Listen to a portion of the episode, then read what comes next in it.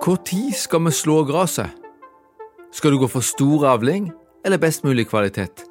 Hva med proteininnholdet i gresset? Spørsmålene er mange, og målsettingene er ulike. I landbruket er det et uttalt mål at vi skal øke norskandelen i fòrseddelen, både til melkeku, ammeku, geit og sau. Da må vi satse på god grovfòrkvalitet. Skal vi lykkes med dette, må vi gjøre rette valg når det gjelder, nemlig i slåtten. I dag skal vi virkelig nerde om detaljene rundt slåttetidspunkt. Vi skal snakke om gode mål og hjelpemidler for å velge rett høstetidspunkt til ulike dyregrupper. Du hører på podkasten Bondevennen. Mitt navn er Magnus Haugland.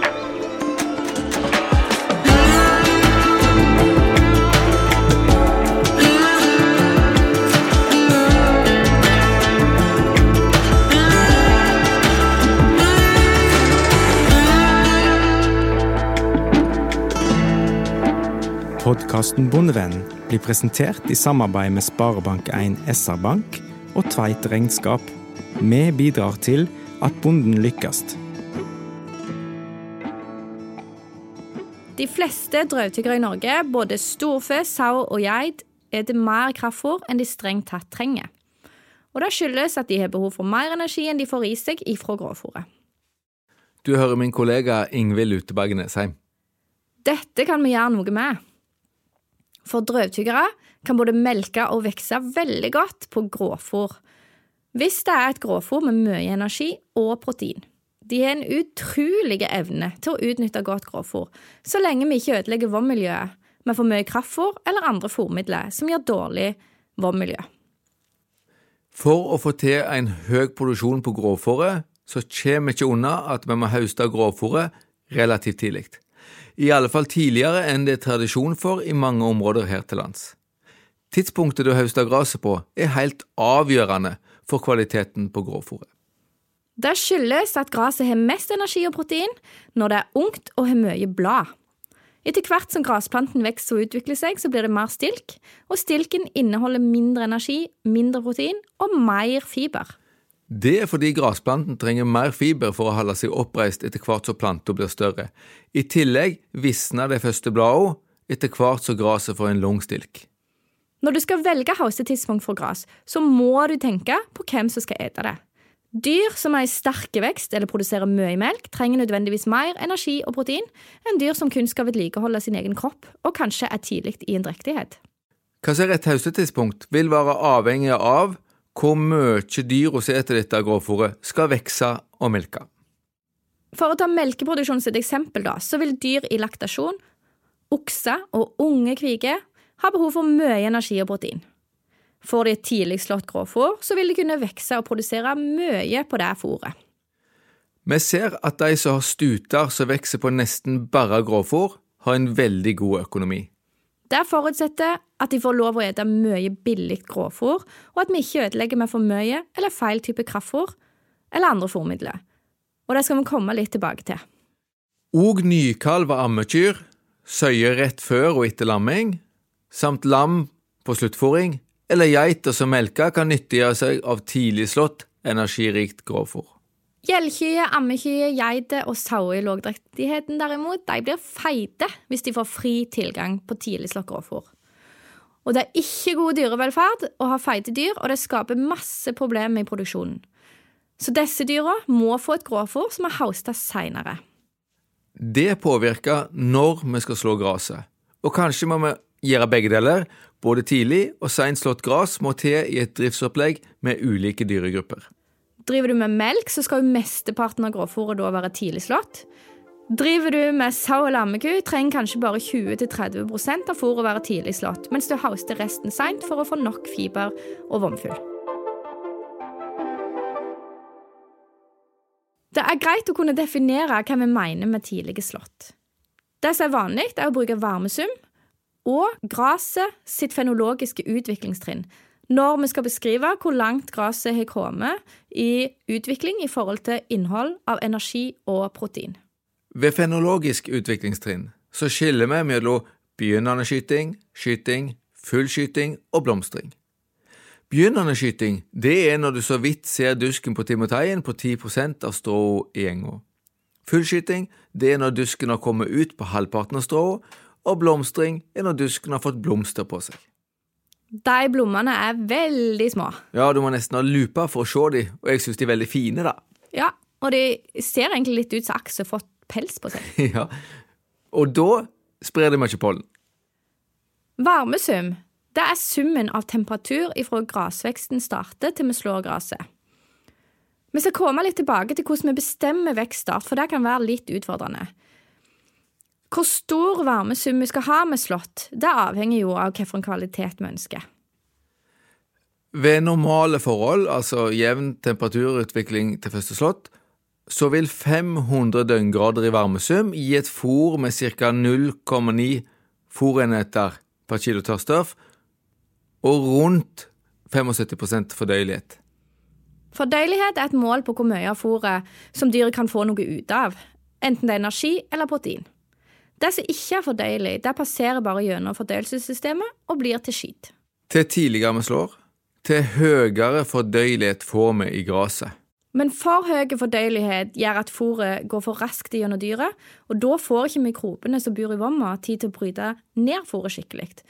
Og da vil mer av de verdifulle næringsstoffene i gresset også bli til skit. Så målet er å ligge mellom 75 til 80% fordøyelighet.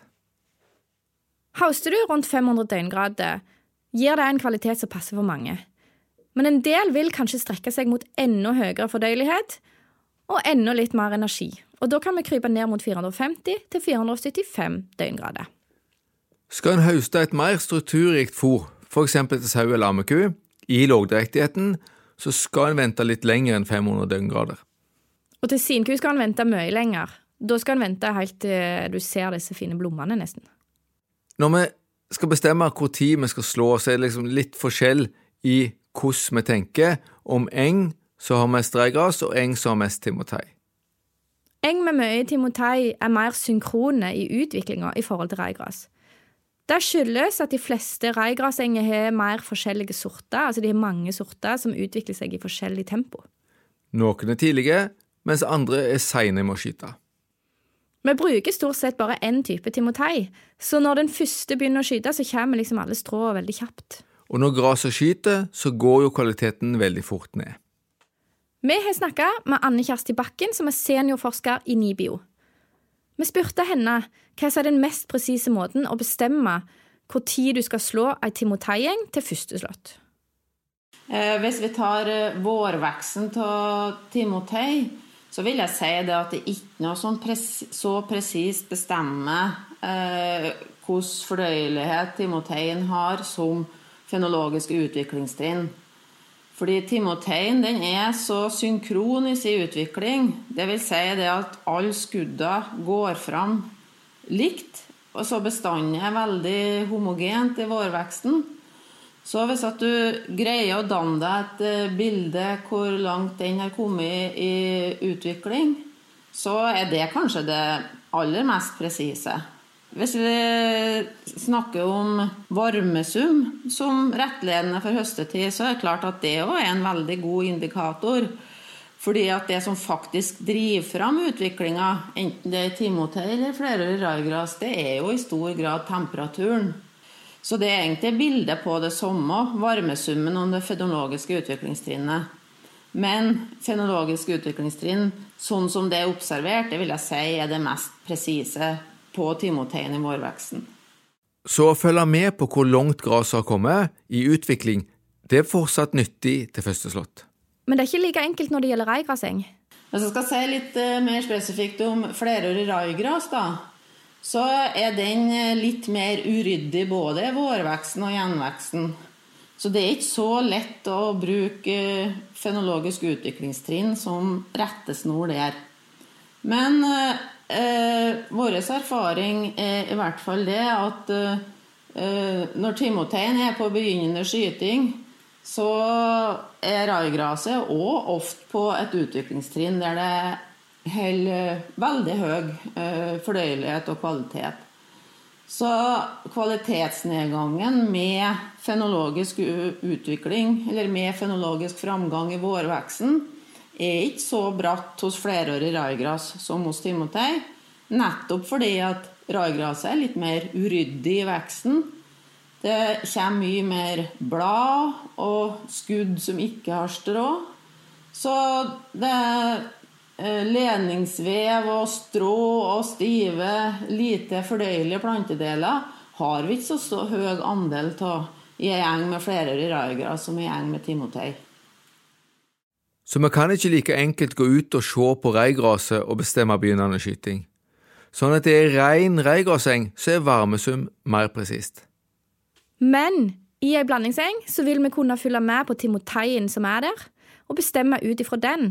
Så egentlig så er det lurt å følge med på både varmesum og fenologisk utvikling i gresset i tida før slått, for å vurdere når vi skal slå. Ofte får vi kommentaren det er jo været som bestemmer når vi skal slå, så det er ikke noe poeng å gjøre noe så komplisert. Vi er jo avhengig av oppholdsvær, gjerne i flere dager, sånn at jorda får tørka opp før vi kjører utpå, og helst godt tørkevær hvis vi skal få til god kvalitet. Men hvis en bare ser på værmeldinga, så kan en fort havne bakpå. Vi kan ikke styre været, og mange ganger finnes det værvinduer som vi ikke hadde oppdaga om vi ikke hadde fulgt med på utvikling og varmesum. Og så må vi også følge med på endringer i været, for det har mye å bety hvis temperaturen endrer seg fort. Noen år har vi det relativt kaldt helt fram til slått, mens andre år skyter temperaturen i været, og det har mye å bety for kvaliteten og hvilke vurderinger vi skal gjøre om og når vi skal slå.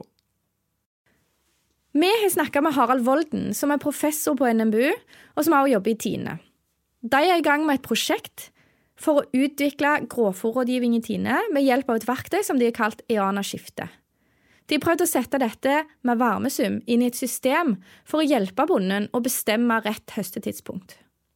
Og det vi har sett, da, både gjennom eh, forsøk og det vi nå har fått enda mer data på, det er at det er en tydelig sammenheng mellom værforhold, og spesielt da temperaturutvikling eh, og hvordan det påvirker kvaliteten på, på gresset. Og, og, det som vi da ser her, det er at eh, det er forskjell imellom år i, eh, i temperaturutvikling. Sånn at hvis man bare baserer seg på rent sånn morfologisk utvikling, så ser vi det at sjøl om grasplanta i utgangspunktet ser nesten helt lik ut, så så vil det være forskjell i, eh, i fordøyelighet.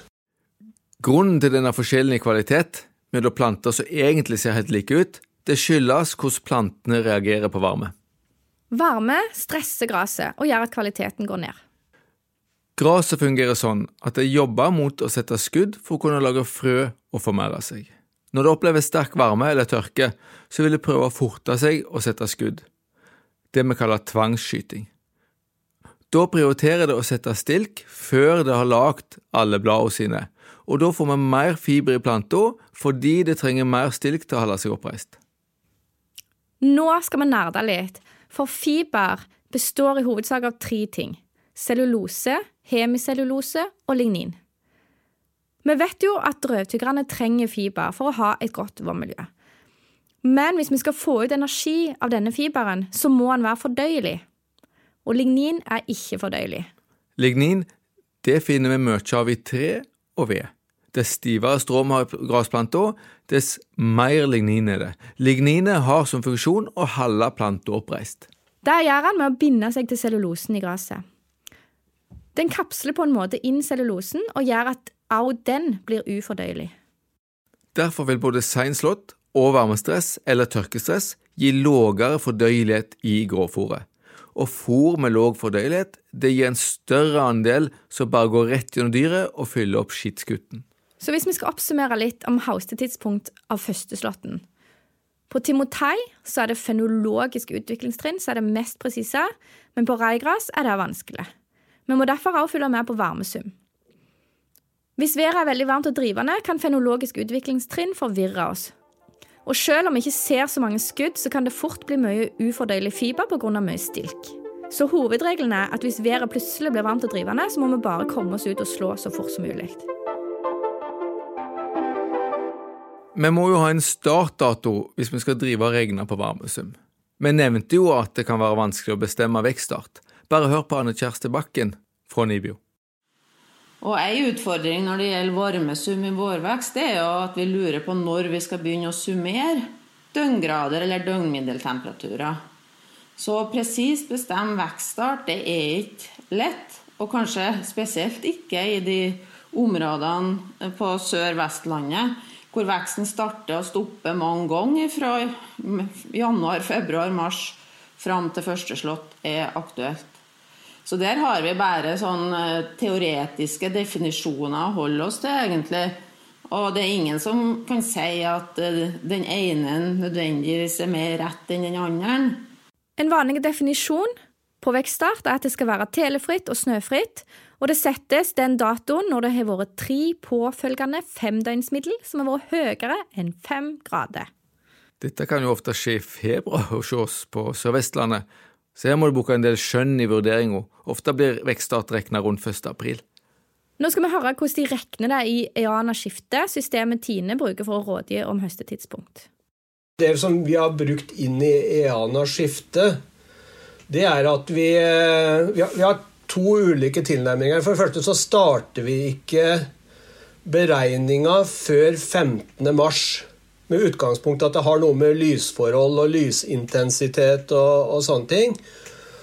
Så Det er liksom det ene, ene, kriteriet. For det er som du sier, altså det har jeg jo sjøl opplevd. Liksom, du kan komme til f.eks. Jæren i, i, januar, og det er ti grader. ikke sant? Og du ser, eh, du ser gresset står liksom 10-15 eh, cm og grønt som, eh, som, bare av det. Men det betyr ikke at du liksom har en veldig intensiv vekst på det for det. ikke sant? Sånn at så Derfor har vi valgt å, å sette en, en startdato ut ifra lysintensitet. Og så er det også sånn at den måten vi har valgt å, å beregne vekststart på, det er at vi tar eh, fire grader eh, tre dager etter hverandre, og så begynner vi da å, å regne. Men så er det også sånn at hvis vi da får en, si en kuldeperiode, at vi får noen dager hvor temperaturen går under fire, fire grader, og da sier vi som så at hvis det er null eller ned til minus to grader, så sier vi at da er det null. Da regnes temperaturen som null.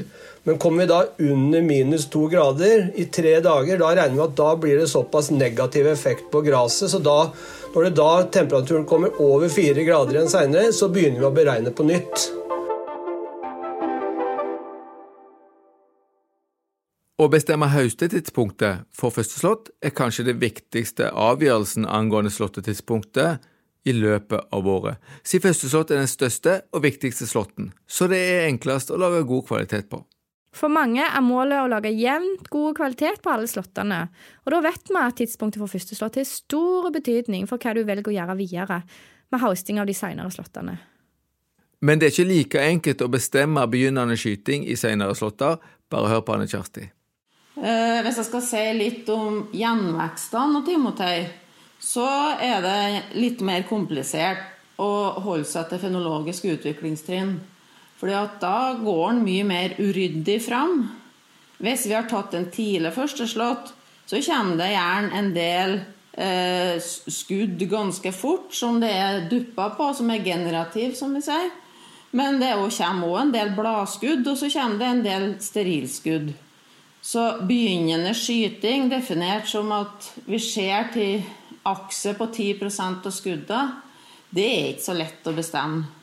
Så Derfor så holder vi oss gjerne til varmesum i gjenvekstene når vi skal gi råd om uh, høstetidspunkt. Tar vi en tidlig førsteslått, må vi være vel så på hogget med andre slått hvis vi skal få til god kvalitet. Vi snakker om hva som er ønska varmesum til første slått. Vi spurte Anne Kjersti hva hun mener er rett varmesum i gjenveksten. Det er jo ikke beint fram, det heller. Det er enkelt på det viset at vi har jo en slåttedato å forholde oss til, som er gjort. Så summeringa starter jo på den dagen den forutgående slåtten er gjort. Men gjerne i gjenvekstene så har vi jo perioder med veldig høye temperaturer, og vi har perioder med tørke på tørkesvak jord. Og da gir det lite mening mange ganger å la varmesummene akkumulere når veksten kanskje stopper opp, eller veksten ut, uh, går veldig fort.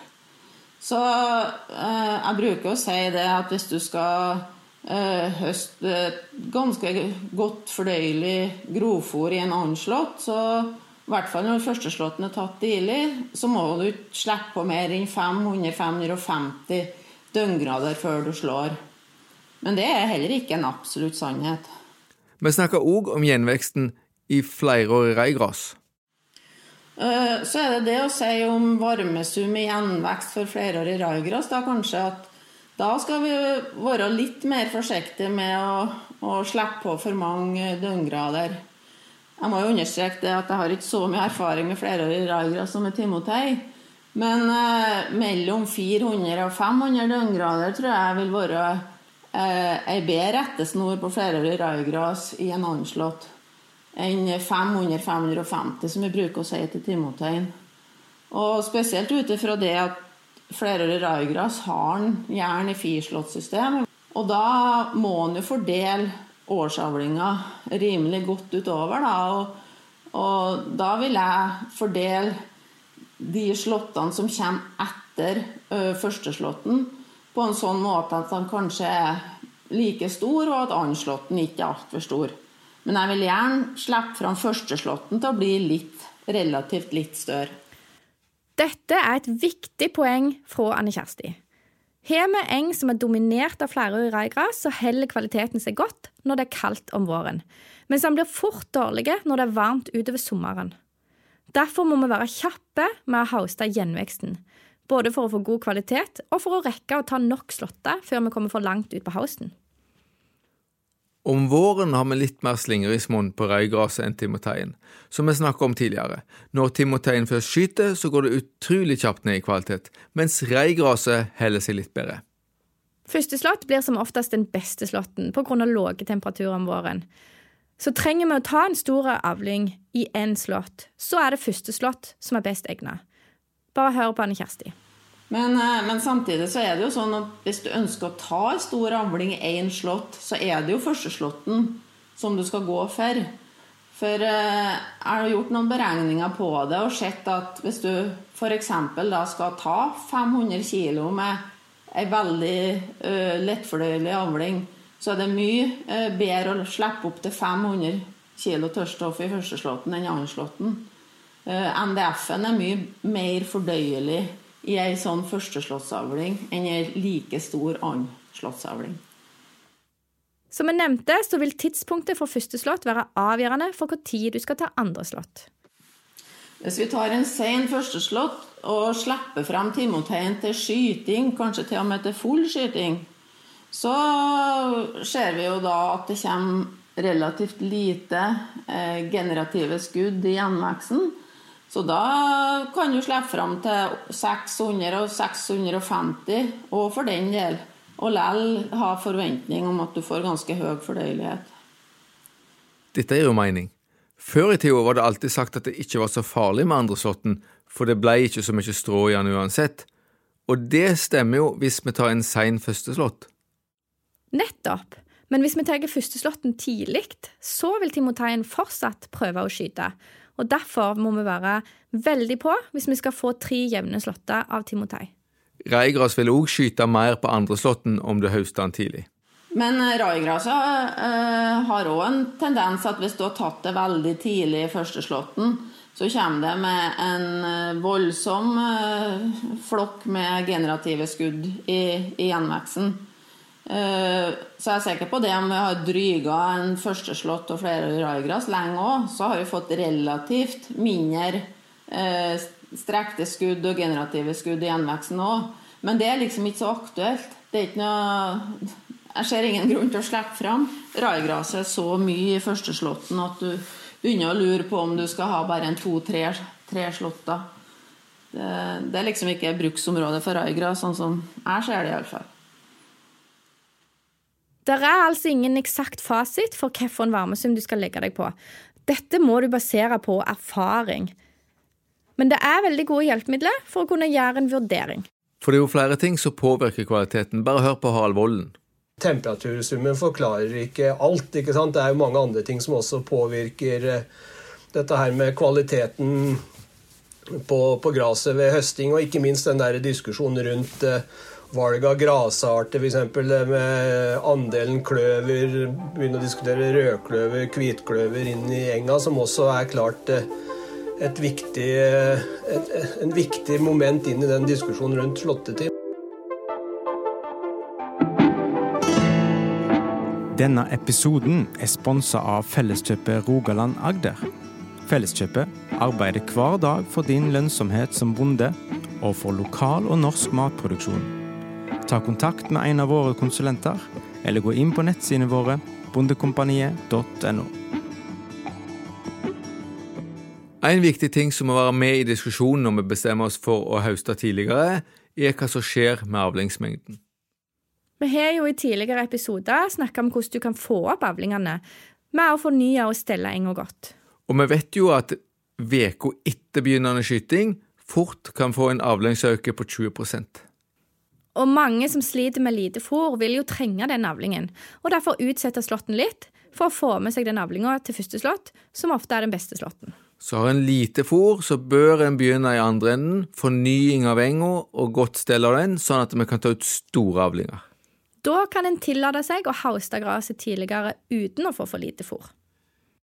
Kvaliteten går ned i uka etter begynnende skyting, men den aller verste nedgangen kommer i uka etter der igjen. Hvor mye kvaliteten går ned de første ukene etter begynnende skyting, er helt avhengig av temperaturen. Og dette snakka vi litt med Anne Kjersti om.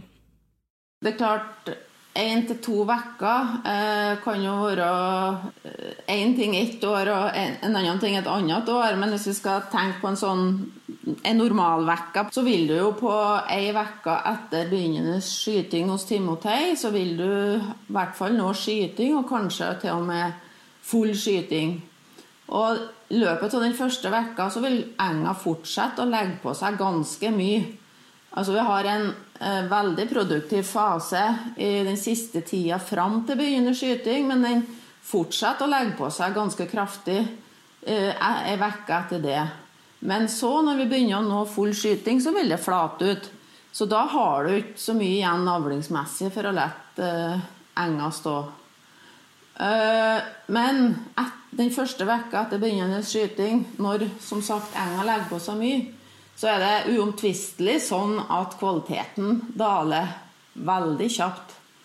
Så, så den eh, totale fôrenhetsavlinga eh, Hvis du skal maksimere den i en førsteslått, da, så vil den nok ligge litt etter begynnende skyting, men ikke langt etter. Og så skal det selvfølgeligvis avveies mot eh, gjenvekstene og den totale årsavlinga. Men eh, vi kommer oss ikke unna den vanskelige balansegangen akkurat rundt begynnerskyting, som gjerne òg eh, klaffer sånn at det er i den perioden der klimaet er ypperlig for grasvekst. Vi har ennå nok vann. Eh, vi har gode temperaturer for gras. Det er liten risiko for veldig høye eh, temperaturer. Så, så, det jeg bruker å si, det at en skal tenke seg godt om før en i et timoteigjeng liksom kapper ned eh, før begynnende skyting. Fordi Det tar jo sin tid for timoteien før en får opp produksjonsapparatet igjen. Uh, så du mister en periode med uh, høy produksjon og mange fòrenetter. Et av argumentene mot tidlig slått er at vi dreper timoteien. Og det stemmer. Vi gjør det. Timoteien tåler ikke hyppige slåtter. Jeg spurte Anne Kjersti om hva som skjer når vi tyner timoteien for hardt. Min erfaring er det at det er ikke nødvendigvis hvor tidlig du tar førsteslåtten som er kritisk. Det som eh, eh, tar knekken på timoteien, det er gjerne hvis du tar en tidlig førsteslått, og så følger du opp med en relativt tidlig anslått. Så hvis du følger oppskrifta mi med Eh, kanskje førsteslått på begynnende skyting, og så kommer du opp med 500-550 døgngrader på, på anslåtten igjen. Det er da en virkelig får problem i konkurransen med ugras og andre uh, grasarter. For han greier bare ikke å etablere nye skudd og, og konkurrere, da. Uh, så hvis du praktiserer et sånt uh, tøft regime for timotein, så, så kan du allerede i tredjeårsenga oppleve at, han nesten er helt ut. Og da gjelder jo at det er engsvinger eller de andre grasa eller jern, kløveren, som du har sådd inn i la, men som tar over, og ikke løvetanna. Eh, det er jo veldig ofte det som skjer, i hvert fall i reinbestanden av timotei. De kan jo bli gule etter bare tre engår. Det er kostbart å fornye, og derfor forståelig at mange vil ta bedre vare på timoteien. Men når vi skal nå målet om mer og bedre grovfòr og redusert kraftfòrforbruk, så kan vi ikke være sentimentale overfor timoteien. Men vi må heller ha en bevisst strategi for hva vi gjør når timoteien går ut, for å holde store avlinger og likevel høste kvalitetsfòr. Skal man over på et mer intensivt uh, høstesystem, spesielt hvis vi skal over på et fireslåttsystem, så er det klart at uh, da kommer vi ikke utenom å gjøre vurderinger i forhold til artssammensetning i, uh, i enga. Det er klart at Skal du drive mer intensivt, så, så veit du jo det at det er krevende for, for timoteien. Så jeg, jeg, tror det at det må være også en del av den vurderinga da. Hvis du sier at ja, jeg skal gå på et mer intensivt, eh, flere, flere slåtter, så må en også samtidig ha en eh, fornyingsstrategi av den, eh, den, enga. Det betyr i praksis at skal vi nå målsettingene om å produsere mer og mer av norsk melk og kjøtt på gras, så må vi øve på gressarter som tåler hyppig slått. Det skal vi komme tilbake til i en egen episode. Vi har snakka mye om kvalitet på gresset nå i dag. Og da har vi fokusert på innholdet av energi og fiber. Men vi vet òg at dyret trenger protein. Gras er egentlig en veldig proteinrik plante i forhold til kodden og andre vekster som er dyrka her til lands. Gras er faktisk på høyde med de fleste proteinvekster, og vi gjødsler det rett og hauster de tidlig. Jeg vil si at gras er egentlig den norske soyaen. Men det er ikke alltid vi får til et høyt proteininnhold i gresset. Særlig på første slått så har vi et lågt innhold av protein i grovfòranalysene. Jeg har lært at hvis vi har mindre enn 13% råprotein i gresset, så har vi ikke henta ut avlingspotensialet til enga. Altså, vi har gjødsla for svakt. Jeg spurte Harald Volden om hvordan vi kunne øke proteininnholdet i grovfòret. Så, så, det med gjødselstyrke, det er én eh, ting i dette her. Og så et annet viktig element i dette det er utnyttelsen av husdyrgjødsla i forhold til mineralisering i husdyrgjødsla. Det som også er min erfaring, det er at husdyrgjødsla er jo en kjempeviktig ressurs, men spørsmålet er om vi overvurderer husdyrgjødsla på våren og fram til første slått. Fordi at det vi ofte ser, det er jo det at eh, de som da har en høy fordøyelighet på eh, gresset sitt og et moderat til lavt proteininnhold, det gjelder jo spesielt på førsteslåtten. Og da er jo spørsmålet om vi rett og slett har eh, overvurdert eh, nitrogeneffekten i husdyrgjødsla på, på, våren. Så det som jeg tror også er et, en viktig del av den diskusjonen her, det er om du skal flytte mer av handelsgjødsla over på, på våren Sånn at du er helt sikker på at du får nok nitrogen på, eh, på våren. Og så kan du heller spare det nitrogenet seinere i vekstsesongen, for da, da har vi en høyere jordtemperatur, vi har en høyere grad av mineralisering. Det er mange fordeler med å få en stor andel av gjødsla ut om våren, særlig husdyrgjødsla, som vi vet gir store tap av nitrogen når det er varmt i lufta, og da er det viktig å få mest mulig ut av den om våren. I tillegg så må vi gi nok kunstgjødsel til å få store avling og nok protein i førsteslåtten. Vi ønsker at proteininnholdet skal være minst 15% og gjerne opp mot 17-18% Men vi kan òg gjødsle for sterkt. Det er ikke bare å øke nitrogengjødselmengden og så få en automatisk mer protein. Fordi det er veldig vanskelig å få stappa inn mer protein enn planten har bruk for for å vedlikeholde veksten. Det er iallfall veldig stort uh, tap av det merproteinet du prøver å puffe inn i planten. Vi har jo sett det at uh, f.eks. fra å gå fra en sånn 25 kg nitrogen totalt til over 30 da, for å prøve å, å få opp råproteinkonsentrasjonen, så er det flere forsøk vi har sett at du taper halvparten. Altså du finner ikke igjen de 9-10 kiloene som du legger på i avlinga.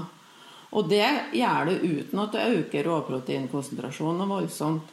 i, tre, i sånn 1-2 prosentenheter kan du nok oppnå, men så ser vi nå i, i noen forsøk òg at vi rett og slett ikke har greid å pakke inn noe mer. Og så er det jo en fare da at uh, det er mer proteinet utover det planten har behov for for å vedlikeholde veksten, ikke uh, er i den forma som en kanskje ønsker det. Uh, og da tenker jeg på, på, nitrat, for planten kan akkumulere nitrat og, og lager det når den ikke har bruk for det til å bygge inn aminosyre og protein. Er det for mye nitrat, så kan dyra bli forgifta de blir faktisk kvelt da. Og det skjedde en del av det på 80-tallet, når en gjødsla til gresset var blått. Men det er ikke lenger en så stor utfordring. Noen ganger skjer det likevel at vi får for mye nitrat på fôranalysen. Heldigvis er det nå mer blanding av fôr av ulike kvaliteter, sier at faren for forgiftning er mindre. Det som er viktig for å unngå dette, er at du gjødsler ut ifra enga sitt avlingspotensial. Eng som gir lite avling fordi den er utgått og tynn, den vil ikke gi mer for det om du pøser på med gjødsel. Da blir det bare opphoping av nitrat i planten. Og ikke gjødsle for sterkt for nærme slåtten, av samme grunn. Vi får vel lage en egen podkast om gjødsling og gjødselstyrke senere, for vi rekker ikke til alle detaljene i dag. Ja, det er lurt, for hvis ikke så blir denne episoden altfor lang. Ja. For å øke proteininnholdet i gresset er det altså viktig å høste tidlig. Grunnen til at det er mer protein i tidligslått gress, er at mesteparten av proteinet finner vi i bladene. Og det har vi jo sagt, det er mer blad i yngre gress. Vi må òg nevne kløver, for kløver er en proteinrik vekst.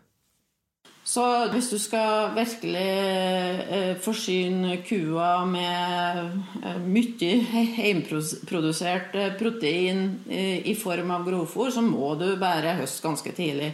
Jeg vil ikke si ekstremt tidlig, det er ikke snakk om noe sånn beitesystem. Men, men, du må sikre deg både god energi, godt energiinnhold og et rimelig bra råproteininnhold.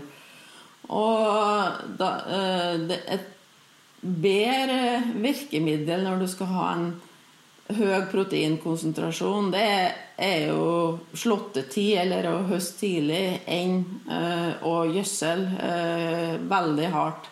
Og så har vi jo kløveren, da, selvfølgelig.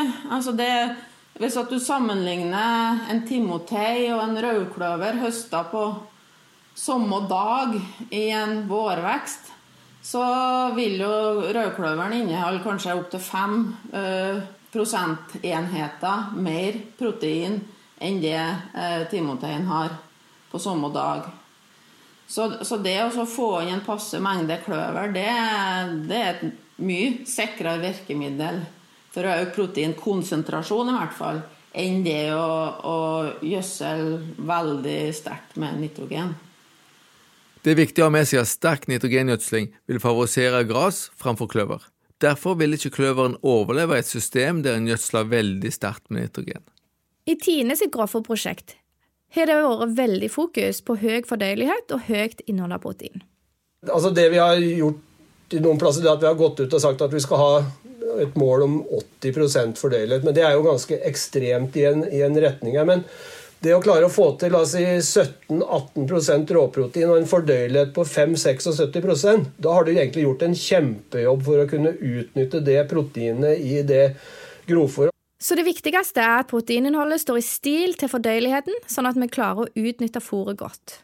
Den største utfordringa tror jeg det er de som har et høyt proteininnhold. Da snakker jeg ofte kanskje rundt en 18 eh, eh, protein og lav fordøyelighet de har eh, den store utfordringa hvordan de skal utnytte dette her i, i fôringa. Så det jeg er litt redd for, det er at de som har fokus på proteinmengde totalt sett, og som da kanskje har en eh, forholdsvis La oss si at de gjødsler eh, forholdsvis sterkt, og de oppnår en 17-18% råprotein, men som da samtidig har en litt seinere høstetidspunkt, og som da får en eh, lavere fordøyelighet, de tror jeg vil ha en utfordring med å ta ut gevinsten av det høye proteininnholdet de har i det grovfòret.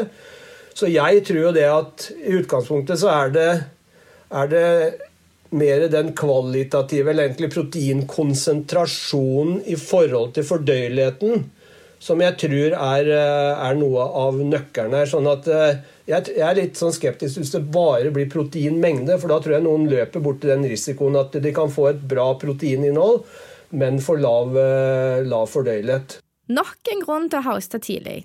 Sein slått og sterk gjødsling i kombinasjon gir ikke et veldig godt grovfôr, selv om vi på papiret har et høyt proteininnhold i gresset. Med et sånt fôr vil vi nok ha et like høyt kraftfôrforbruk, selv om vi har brukt masse penger på nitrogengjødsel. Før vi går inn for landing, så skal jeg ta opp et siste tema som jeg syns er viktig når vi snakker om høstetidspunkt. Du tenker på fôropptak nå igjen? Ja, det er liksom min kjepphest. Hvis det skal være et poeng å hauste gresset tidlig, så må vi få dyra til å spise mye av det. Og det var også Harald Volden opptatt av. Og så er min anbefaling det at hvis, du, hvis man vurderer å gjøre endringer på, på slåttestrategien, så er det jo nå sånn at eh, de aller fleste høster jo gresset i, i, rundballer. Og det er klart at det gir en veldig fleksibilitet, og det betyr at det er ikke sikkert at du skal ta liksom hele arealet ditt og øke antallet slåtter, men du kan ta det på, på deler av arealet. Kanskje det som arronderingsmessig passer best for, uh, for flere slåtter. Og så prøv det, og, og, ikke minst da være bevisst på hvordan du da bruker den type fôr inn i fôringsopplegget. For det, det, tror jeg også er viktig å understreke. er at Én ting er å lage det fôret med ulike kvaliteter.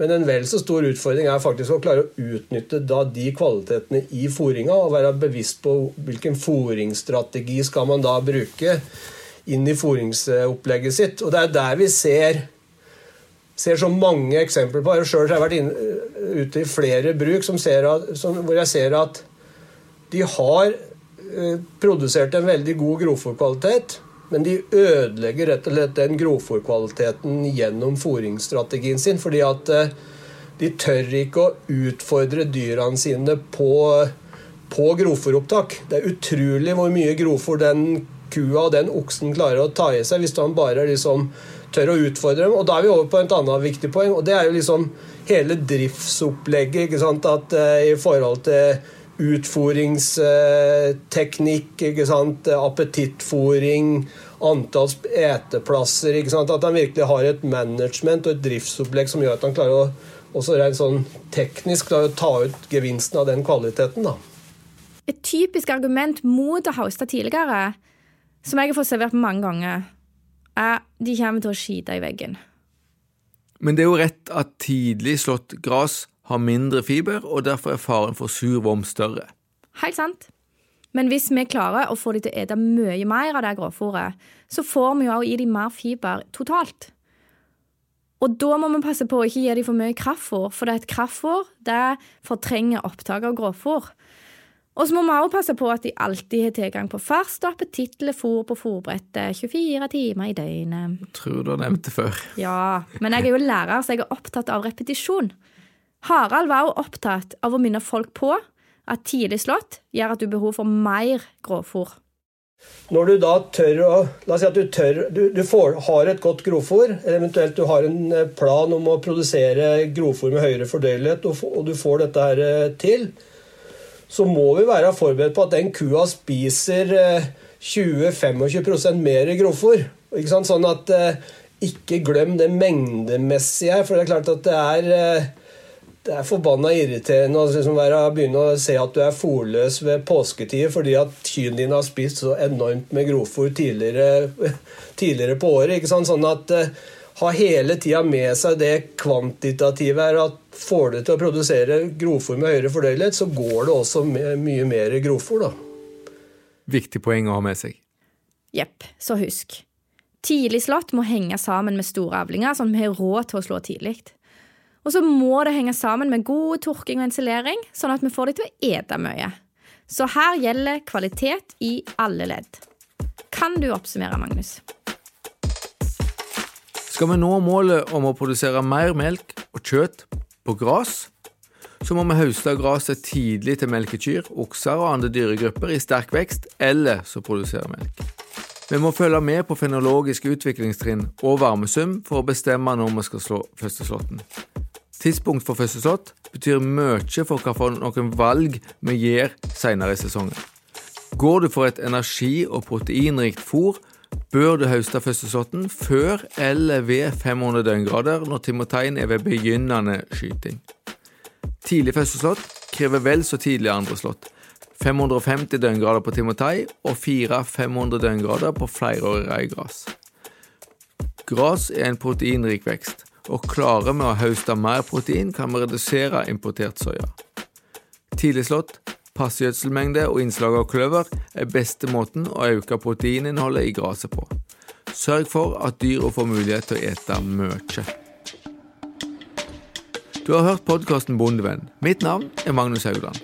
Jeg er rådgiver i Norsk landbruksrådgivning Rogaland og lærer ved Vinterlandbruksskolen i Ryfylke. Jeg er Ingvild Luteberget Nesheim, som til daglig er rektor ved Vinterlandbruksskolen i Ryfylke. Har du spørsmål eller tilbakemeldinger, ta kontakt på e-post podkast at bondevenn.no. Episoden er spilt inn i ABC Studio Etne. Lyd av Stig Morten Sørheim. Lykke til med slåtten.